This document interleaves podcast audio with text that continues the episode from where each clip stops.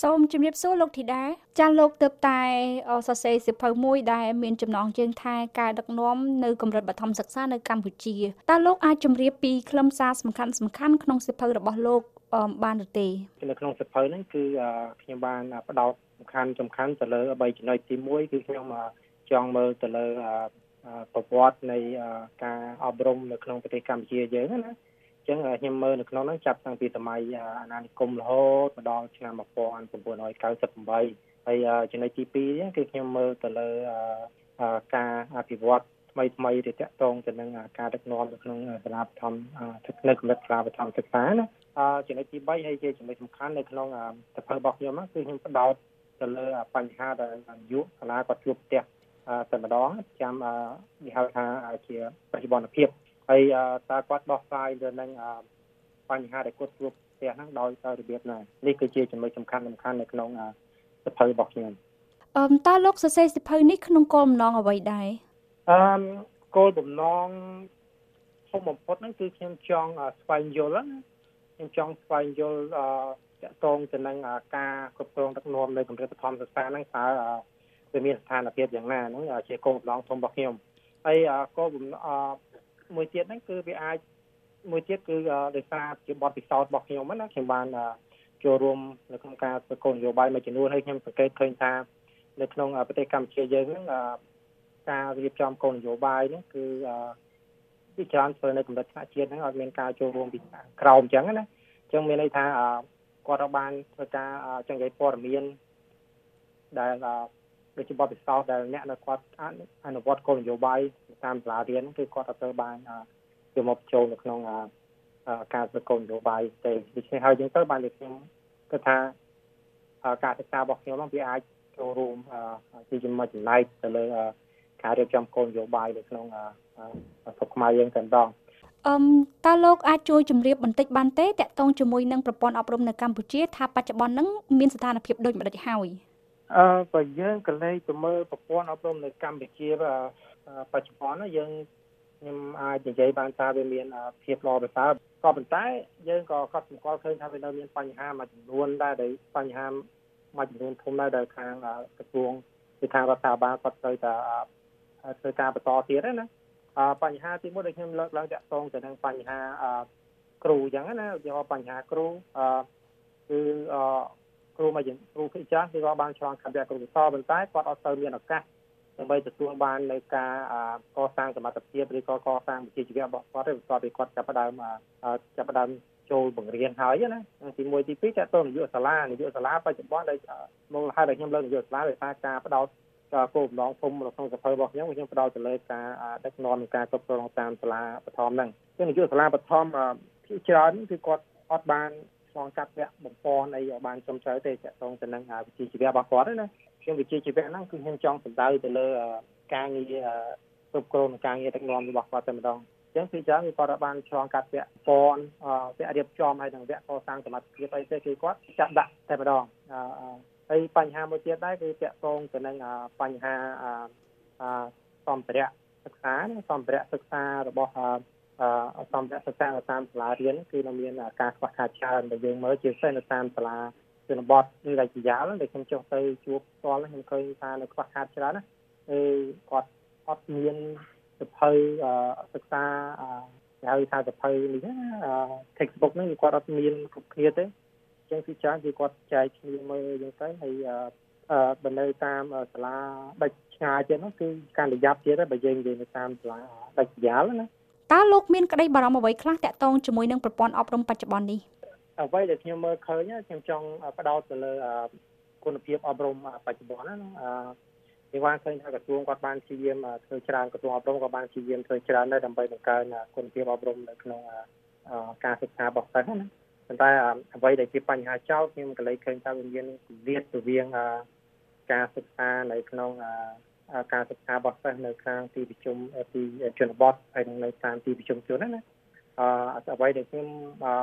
សង្កេតហ្នឹងឃើញថាការសិក្សារបស់សិស្សនៅតាមទីប្រជុំជនហ្នឹងគាត់មានភាពល្អប្រសើរជាងការសិក្សារបស់សិស្សនៅតាមទីជនបទហើយបើជាបើនៅតាមសាលាជនបទតែខ្ញុំទៅហ្នឹងបើជាយ៉ាលហ្នឹងការបោះបង់ការសិក្សាចោលហ្នឹងគឺមានកម្រិតខ្ពស់ច្រើនដូចជានៅខេត្តឧត្តរមានជ័យខ្ញុំចុះទៅហ្នឹងគឺពីច្រើនគឺគាត់ ជម្រានឲ្យគាត់ពីចំណានថ្នាក់ទី3ទី4ទី5ទី6ហ្នឹងគាត់ទៅធ្វើការនៅតាមសន្តាគារឬគាត់អ្នកខ្លះហ្នឹងទៅតាមឪពុកម្ដាយទៅធ្វើការនៅថៃឬក៏នៅតំបន់ឯផ្សេងទៀតទៅតើរដ្ឋាភិបាលកម្ពុជានឹងបានដោះស្រាយបញ្ហាទាំងនេះសមស្របដែរឬទេអឺដូចខ្ញុំបានលើកឡើងពីខាងដើមខាងរដ្ឋាភិបាលខ្សួអប់រំគាត់បានធ្វើការងារច្រើនដើម្បីដោះស្រាយទៅលើបញ្ហាដែលខ្ញុំបានលើកឡើងណាក៏ប៉ុន្តែយើងឃើញថាការដោះស្រាយវាមិនទាន់បាន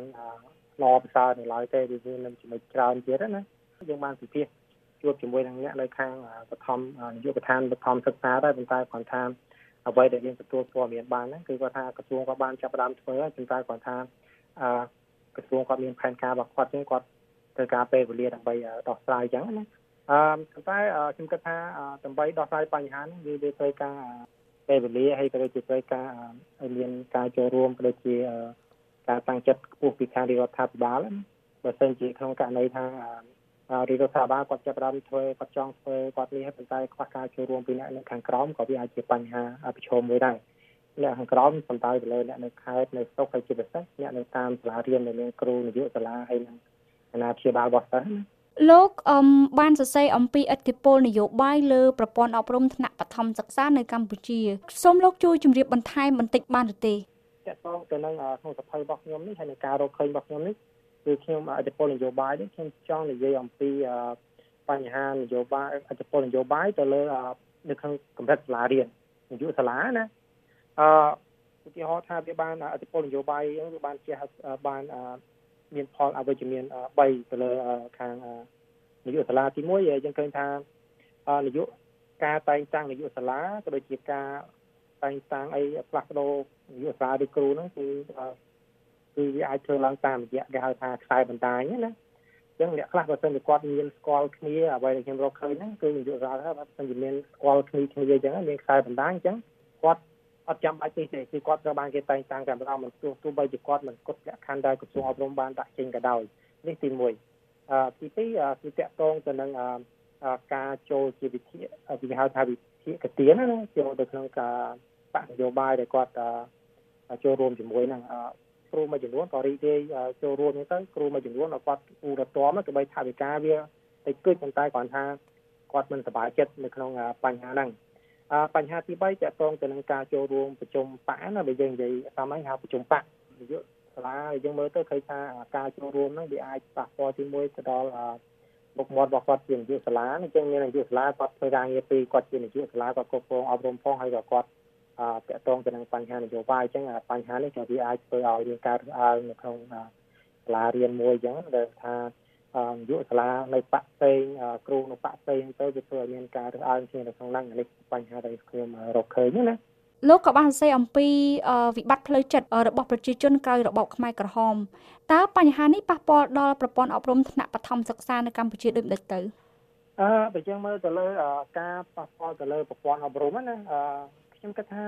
ខ្ញុំសូមនិយាយនៅត្រឹមកម្រិតសាលារៀនណាបើយើងមើលទៅនៅកម្រិតសាលារៀនវាអាចធ្វើឲ្យមានការប៉ះពាល់ដែរឧទាហរណ៍ថានៅពេលដែលគាត់មានការដូចខ្ញុំនិយាយពីអង្ដាទេនៅពេលដែលគាត់ភ័យខ្លាចដែលគាត់មានអារម្មណ៍មួយចឹងនិយាយភ្ញាក់អារម្មណ៍មួយហ្នឹងទៅវាអាចទីមួយប៉ះពាល់ទៅការងាររបស់គាត់ផ្ទាល់តែម្ដងការងារគ្រប់គ្រងការងាររបស់គាត់ហ្នឹងអឺនេះជាចំណុចមួយនៅសាលារៀនហើយទី2ហ្នឹងដូចខ្ញុំបានសរសេរនៅក្នុងសភៅដែររបស់ខ្ញុំដែរគឺ ការប៉ះពាល់ទៅអារម្មណ៍ហ្នឹងគឺធ្វើឲ្យគាត់ផ្លាស់ប្ដូរអឺការគិតរបស់គាត់ដែរការគិតរបស់គាត់ហ្នឹងគឺអត់សូវបានល្អប្រសើរទេអាហ្នឹងបើយើងនិយាយជាលក្ខណៈនៅផ្ទាល់ខ្លួនរបស់គាត់ហើយក៏ដូចជាការប៉ះពាល់ដល់ការងាររបស់គាត់ណាតើលោកយល់យ៉ាងណាដែរចំពោះការបញ្ចូលភាសាបរទេសក្នុងប្រព័ន្ធអប់រំនៅកម្ពុជាអ្វីដែលខ្ញុំក្តោបបានគឺគ្រូភាសានេះគាត់ថាគាត់អត់មានសមត្ថភាពទេគាត់អត់មានសមត្ថភាពដើម្បីបរៀនភាសាអង់គ្លេសបានទេហើយដូច អញ្ចឹងទៅសភៅសិក្សាដែលដាក់ទៅហ្នឹងកម្មវិធីសិក្សានោះអត់ដើរទេសាលាដែលខ្ញុំចុះទៅតាមជនបទហើយនឹងតាមអឺជំជនមួយចំនួនគឺអឺអត់មានគ្រូអាចបរៀនបានតើលោកមានអនុសាសន៍យ៉ាងណាដើម្បីពង្រឹងការអប់រំថ្នាក់បឋមសិក្សានៅកម្ពុជាអនុសាសន៍ប្រហែលជា3ចំណុចដែរទី1តកតងទៅនឹងការរៀបចំគោលនយោបាយហើយនឹងការអនុវត្តគោលនយោបាយនៅក្នុងប្រទេសកម្ពុជាយើងតែម្ដងឧទាហរណ៍ថាការរៀបចំគោលនយោបាយនៅក្នុងប្រទេសកម្ពុជាយើងបច្ចុប្បន្នហ្នឹង គឺឃើញថាការរៀបចំហ្នឹងគឺធ្វើឡើងដោយមានការចូលរួមតិចតួចឬក៏គ្មានការចូលរួមពីថ្នាក់នៅខាងក្រោមណាអ្នកនៅខាងក្រោមតែម្ដងអ្នកនៅខាងក្រោមខ្ញុំសំដៅទៅលើថ្នាក់ក្រោមជាតិសំខាន់គឺខាងក្រសួងអប់រំគួរតែចូលពេលរៀបចំគោលនយោបាយទៅកម្មវិធីមួយហ្នឹងទៅយើងគួរតែដាក់ចូលឬយើងបើយើងមិនបានចេញគាត់មកចូលរួមក៏យើងត្រូវមានបង្កើតឱកាសមួយដើម្បីឲ្យគាត់អាចផ្ដល់ជាមតិយោបល់ណានៅក្នុងការចូលរួមក្នុងការរៀបចំគោលនយោបាយឬផែនការ អប់រំមួយយ៉ាងទៅអឺមួយទៀតតែតកតងដូចខ្ញុំនិយាយហើយមិនអញ្ចឹងគឺតកតងទៅនឹងនៅខាងក្រោមហ្នឹងខាងក្រោមហ្នឹងគឺពេលយើងគាត់ជាអ្នកអនុវត្តគោលនយោបាយអញ្ចឹងយើងទៅធ្វើយ៉ាងណាឲ្យគាត់យល់ឲ្យបានស៊ីជម្រៅតកតងទៅនឹងគោលនយោបាយថ្មីថ្មីដែលក្រសួងដាក់ចុះទៅណាចឹងដូចខ្ញុំនិយាយបាច់ដូចខ្ញុំចុះក្រសួងគាត់ពិចារគឺគាត់ពិចារគាត់ថាគាត់អត់ទៅបានទេអ្នកខ្លះទៅគាត់បានទៅវគ្គគេហៅទៅវគ្គវគ្គបំពន់ខ្លីហ្នឹងវគ្គបំពន់ចង់និយាយថាឆ្នៃនាំគាត់ទៅនឹងអ្វីដែលក្រសួងផ្លាស់ប្ដូរចឹងទៅប៉ុន្តែ ខ្ញុំគាត់ថាវគ្គបំពន់វាខ្លីពេកហើយខ្លីលឿនហ្នឹងទៅអញ្ចឹងទៅគាត់ស្ដាប់អត់បានទេគាត់ស្ដាប់អត់ទៅច្បាស់ទេហើយដល់ពេលគាត់ទៅច្បាស់ដល់ពេលគាត់មកក្រោមគាត់មកដល់សាលាគាត់វិញគាត់ចង់ចែកចាយជាមួយនឹងគ្រូឬក៏អ្នកពាក់ព័ន្ធផ្សេងៗហ្នឹងគាត់អត់ទៅបានល្អប្រសើរដែរនេះជាចំណុចមួយដែលខាងការរៀបចំគោលនយោបាយនៅក្នុងប្រទេសកម្ពុជាយើងគាត់មានការខ្វះខាតណាចាសសូមអរគុណលោកខៀងធីតាដែលបានផ្ដល់បទសម្ភាសន៍ជាមួយនឹងនាងខ្ញុំសូមជម្រាបលា